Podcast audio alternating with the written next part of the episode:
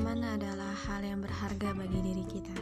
Dari pengalaman, kita tidak akan mengulang kesalahan yang sama, dan dari pengalaman, kita bisa menjadi lebih baik lagi. So, di podcast Waktunya Bersantai akan menyampaikan beberapa pengalaman-pengalaman dari berbagai sisi.